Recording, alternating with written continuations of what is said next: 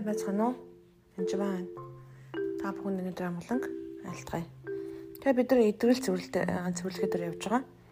Тэгээ эдгэрэл цэвэрлэгэн дээр хүмүүс эдгэрэл цэвэрлэгийн үйлчлэгийг нэг сайн зарим ойлгохгүй байдаг. Эдгэрлийг бол ойлгодог буюу за одоо Иесусийн нэрээр эдгэр ч юм уу өвчтөе хүн бол эдгэрлийг сайн ойлгодог. Харин цэвэрлэгээ гэдэг хэсгээр нэг сайн ойлгодоггүй.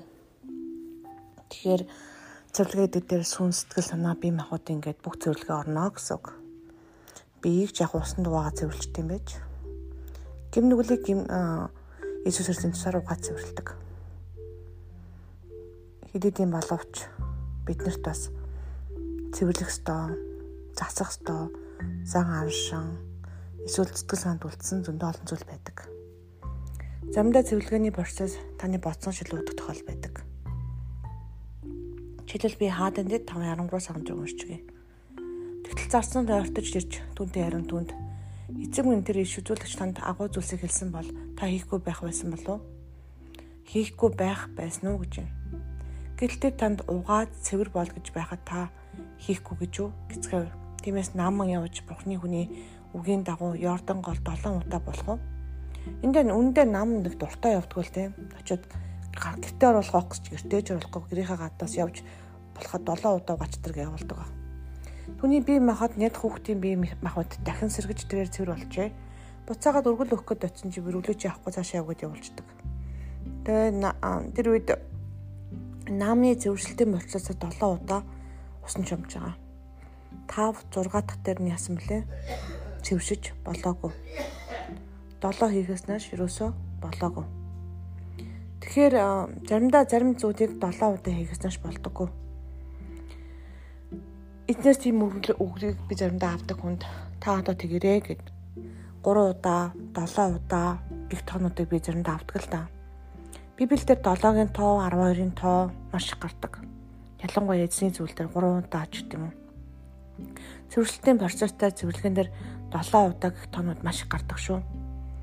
За жишээлбэл Левит 8-ын 10-аас 11 шүү. Та ер нь Левайн 8-ыг унших юм бол маш их дүрмжрэн байгаа зарим Левайт намыг 14 дээр тэр байшин сав цэвэрлэх энэ төр 7 удаа тоос цоос цаац байшин ариутгах гэх мэтлэн гэр орныг ариутгах, байшин ариутгах, бузарсан эд зүйлсийг ариутгах гэдэг юм зөндөө гардаг л да.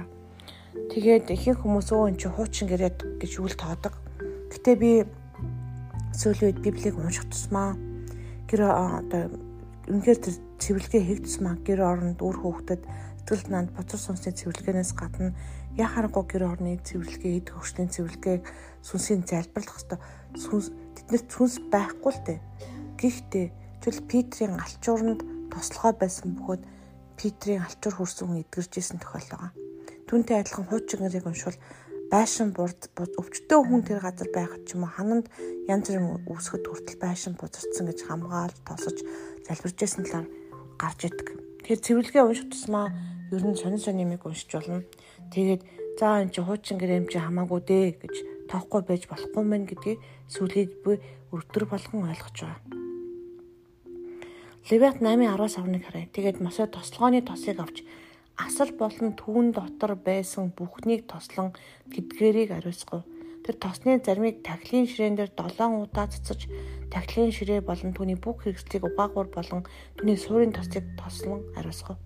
Тэр Есүс бидний гим нүглийн төлөө үнэхээр өөрөө тэрүүн тахилж байгаа засахгүй өөрөө хургийг нятлахгүй бүр өөрөө хург болж нятлагдсан байна. Үнэхээр гимл нүглийн төлөөснөөс болж бид нар дахин тахилж өргөх шаардлагагүй. Гэтэл бид 11 өргөлийг өргөсөөр байгаа. Тэр 11 өргөлийг таглын ширээн дээр тавихаас өмнө гэж хүртэл байдаг. Ах トゥ угаа уучлаад ир гэж ингэрэн дээр байдаг. Тэгтлийн дараа таглын ширээ асар майхныг тусалж байгаа. Цаашаага Леват 14-ын 53-ыг уншия. Тэгээд тэрээр хуш мод хясаал угаан улаан утсыг амь шуутай хамт авч тэр нэтлуусан шуугны цуснд болон урсгал усанд дүрж байшин руу долоон удаа цацсан. Тийхүү тэрээр шуугны сурсгал ус амьд шуу хуш мод хисаал улаан уцаар уг байшин цэвэршүүлэх юм. Харин тэр амьд шууг хотоос гадаг шээр талд суллан явуулна. Тэгэхэд тэр байшингийн төлөө эвлэрүүлгийн хийх бөгөөд энэ цэвэр болох юм аа. Тэг юм цэвэрших тулаар цэвэршүүлэх хариуцах талаар хуучин гэрээд маш их байдаг. Бид нар баг тоож уншдаггүй байх л да. За, Иесусийн цар цэвэрсэн юм чинь гээд. Гэтэл би хүмүүсийг залбирахдаа Яхаарахгүй гэр орон эд зүйлсийг байшинг өрөө залбирах ялангуяа цонхыг хаалхыг орж орж байгаа зүйлсийг байшинг тосож залбирах ёстой гэдгийг сүүлийн маш их ойлгодог болчиход байгаа. Тэгэхээр хит шашинчин гэж бүтий бодороо та нар зүгээр залбираад ариусгаад тослоод залбирах юмыг өрөөдөг тийм үү гэр орныг монголчууд маш гэр орныг өрөөдөг залбирдаг байсан. Тэгэхээр бид нэр гэр орноо бас өрөөж залбирах ёстой гэж би хэлмээр байна. Тосолж өрөөж хаалгуудаад хамгаалалтай залбирах явдал, ариусгах явдал маш чухал. Өрөөж магтандуу тайвж гэр орноо залбирах явдал мэдээж хит шашинжуулж болох уу болохгүй мэдээж. Гэхдээ яахаарахгүй гэр орноо цэвэрлэж ариусгаж залбирах үед гэр орно цэвэршдэг байгаа. Нэгэн жишээ хэлье. За нэг айл ин герт нь хуучин хүн нь таглын ширээ байсан буюу буддын таглын ширээ байсан. Их итгэгч айл орсон.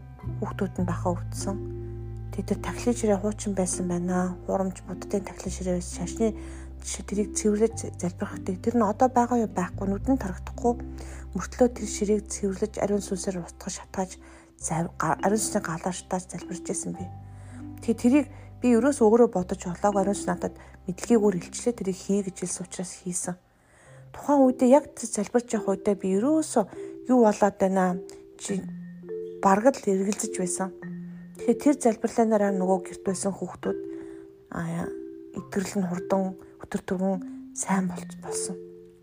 Тэгэхээр заримдаа хүүхдийн биеийг биш яхааргүй гэр орныг залбирах тохиолдол байдаг.